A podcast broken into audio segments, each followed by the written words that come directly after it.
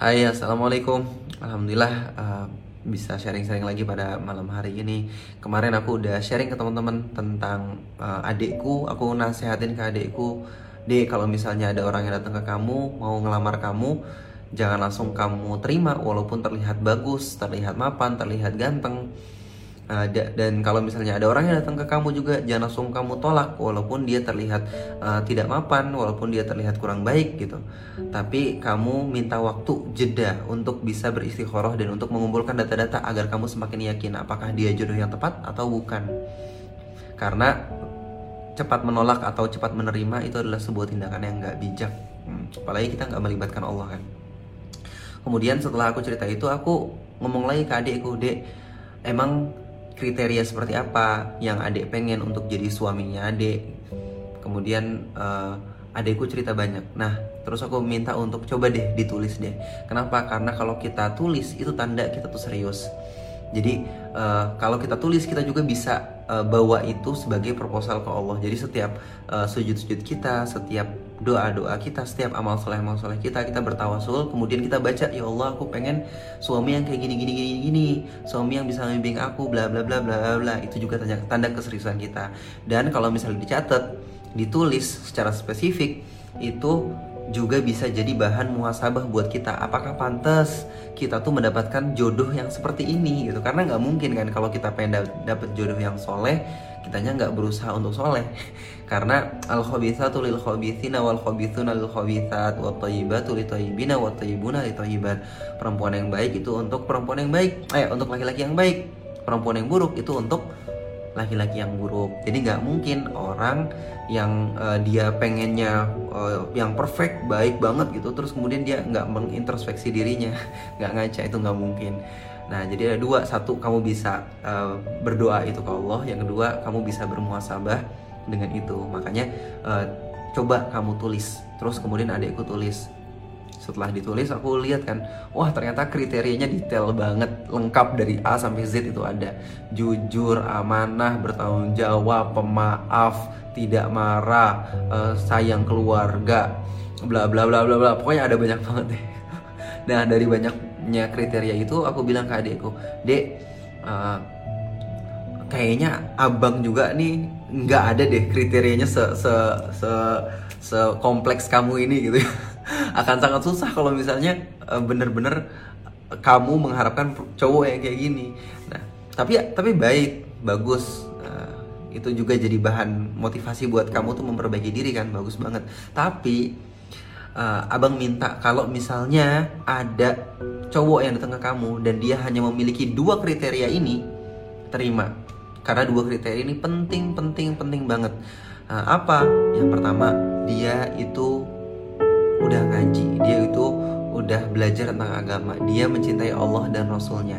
Kalau dia udah mencintai Allah dan Rasulnya, insya Allah seluruh kriteria-kriteria yang kamu tulis tadi itu tercover dari mencintai Allah dan Rasulnya, dari belajar agama.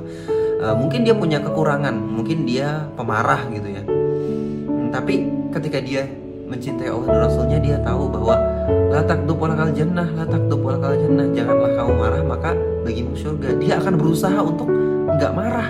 Dia akan berusaha untuk nahan amarahnya di depan kamu. Mungkin dia juga uh, orangnya ignorance gitu ya. Orangnya orangnya cuek orangnya pendiam orangnya introvert gitu. Tapi karena dia udah ngaji karena dia udah belajar agama dia akan berusaha mengikis uh, kekurangannya itu. Dengan cara apa? Dengan cara oh ya silaturahim itu memperbanyak rezeki silaturahim itu memperbanyak umur. Ya udah aku berusaha akan dia akan berusaha untuk bisa bersilaturahim. Dia akan berusaha untuk uh, dekat sama ipar-iparnya kakak-kakaknya saudara-saudaranya gitu nggak cuek gitu. kemudian mungkin dia juga punya sifat pelit gitu. Uh, dia pelit banget dan perhitungan banget. Tapi ketika dia belajar agama dia mencintai Allah dan Rasulnya insya Allah dia akan berusaha untuk mengikis sifat buruknya itu dengan cara dengan apa? Uh, di dalam Islam wah aku tuh harus zakat aku tuh harus infak aku tuh harus uh, bertanggung jawab terhadap saudara-saudaraku. Dia akan berusaha untuk itu. Dan uh, wajah hidup fisabilillahi bi amwalikum anfusikum. Dan bagaimana mungkin kita bisa mengorbankan hidup kita untuk Allah dan Rasulnya kalau misalnya harta aja nggak pengen kita korbanin gitu. Mungkin dia pelit tapi ketika dia udah belajar Islam dia udah belajar agama dia berusaha mencintai Allah dan Rasulnya dia akan berusaha mengikis uh, sifat buruk kepelitan dia gitu. Dengan dia belajar agama gitu. Nah jadi ketika kamu ketika ada datang cowok ke kamu mau nikahin kamu dan dia udah belajar agama dia berusaha untuk mencintai Allah dan Rasulnya dengan semaksimal mungkin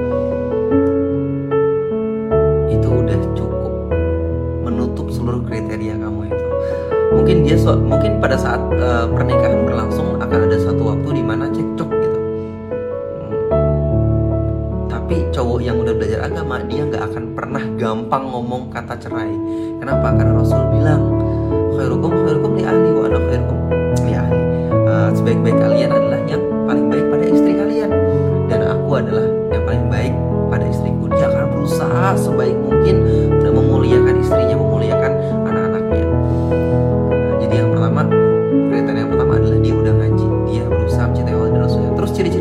apa ciri-cirinya ya berarti dia udah punya komunitas. Dia dia ikut kajian rutin. Kemudian uh, ibadah secara zohirnya kelihatan. Dan ibadah yang paling berdampak banget terlihat banget bahwa dia ini orang yang mencintai Allah atau enggak adalah dia sholat di dua waktu ini yaitu subuh sama isya dan berjamaah. Karena sholat orang munafik yang paling berat adalah sholat subuh dan sholat isya nah gitu. Dan kalau sholatnya dia sholat subuh dan sholat isyanya dia di masjid dia bangun wah itu sudah terverifikasi. Itu 50% udah terverifikasi.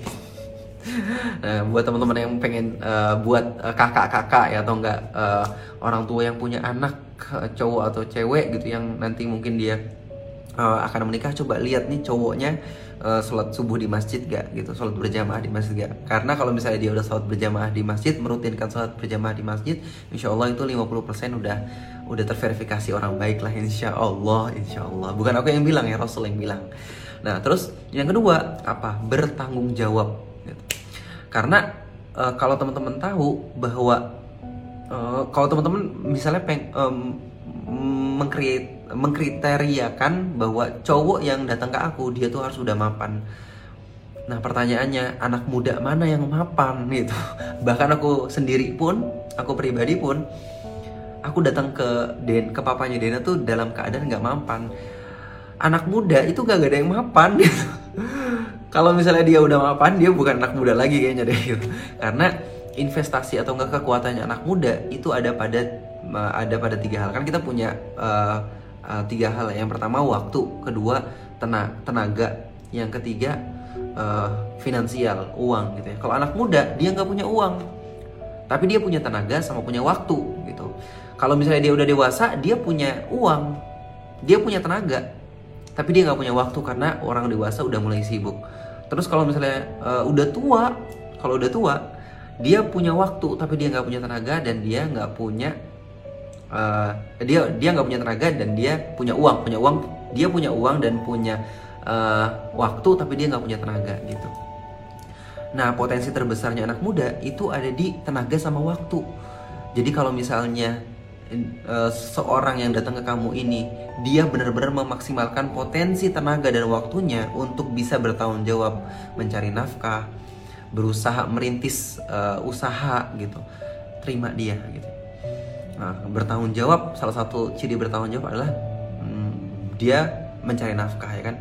Uh, di dalam Al-Quran juga begitu. Bima anfaku min amwalihim. Cowok itu mulia karena dia memberi nafkah kepada istrinya. Dan uh, coba lihat kalau misalnya dia punya jiwa bertanggung jawab dengan cara dia memaksimalkan tenaga dan waktunya, insya Allah dia orang yang bertanggung jawab. Gitu. Tapi kalau misalnya dia masih kayak ngagoleran, buang-buang waktu, banyak nonton film, sibuk main game, nongkrong nggak jelas, itu kayaknya uh, dia belum siap buat nikah dia nggak ngerti uh, pernikahan tuh sebenarnya seperti apa gitu. tapi ketika ada cowok yang dia mungkin belum mapan tapi dia memaksimalkan waktu dan tenaganya kemudian dia berusaha sekuat mungkin insya Allah di masa depan dia akan mapan dengan sendirinya asal tinggal kamu temenin aja. Insya Allah jadi kamu berjuang bareng bareng suami kamu. Nah sesimpel itu sih. Hmm, dan dari bertanggung jawab itu juga kita bisa ngelihat dari kriterianya dia maksudnya karakternya dia. Insya Allah kalau dia udah ngaji dia bakal uh, jadi ada dua ya. Kalau dia udah ngaji insya Allah udah banyak banget hal yang tertutup tercover dengan itu. Walaupun ada yang kurang tapi dia akan berusaha sebaik mungkin untuk bisa menutup itu. Yang kedua dia bertanggung jawab. Dengan cara apa bertanggung jawab? Memaksimalkan waktu dan tenaganya untuk kebaikan-kebaikan. Insya Allah di masa depan di masa depan insya Allah akan Allah kasih jalan dan rezeki yang nggak disangka-sangka. Sama kayak aku dulu waktu aku lamaran ke Dena gitu. Aku nggak punya apa-apa banget banget banget nggak punya apa-apa. Bahkan di sana tertulis CV-nya penghasilanku sebulan itu satu juta. Kamu mau nggak nikah sama orang yang penghasilannya satu juta. Tapi aku punya planning ke depannya gimana untuk bisa dapat nafkah gitu. Oke deh jadi kalau kamu nemu maksudnya ada dat ada yang datang ke kamu dan orang itu punya dua kriteria ini. Satu dia udah ngaji dia mau mencintai Allah dan Rasulnya insya Allah semuanya bakal tercover. Yang kedua dia mau bertanggung jawab dengan cara memaksimalkan waktu dan tenaganya. Itu kalau ada dua orang yang datang punya kriteria ini maksudnya satu orang yang datang dan dia punya dua kriteria ini terima deh. Insya Allah hidup kamu bahagia. Udah kayak gitu. Terus dia bilang oh gitu ya bang. Makasih ya bang. Gitu. Udah itu aja sih untuk malamnya hari ini sharing-sharingnya. Maaf ya kelamaan. Oke okay. assalamualaikum. Semoga bermanfaat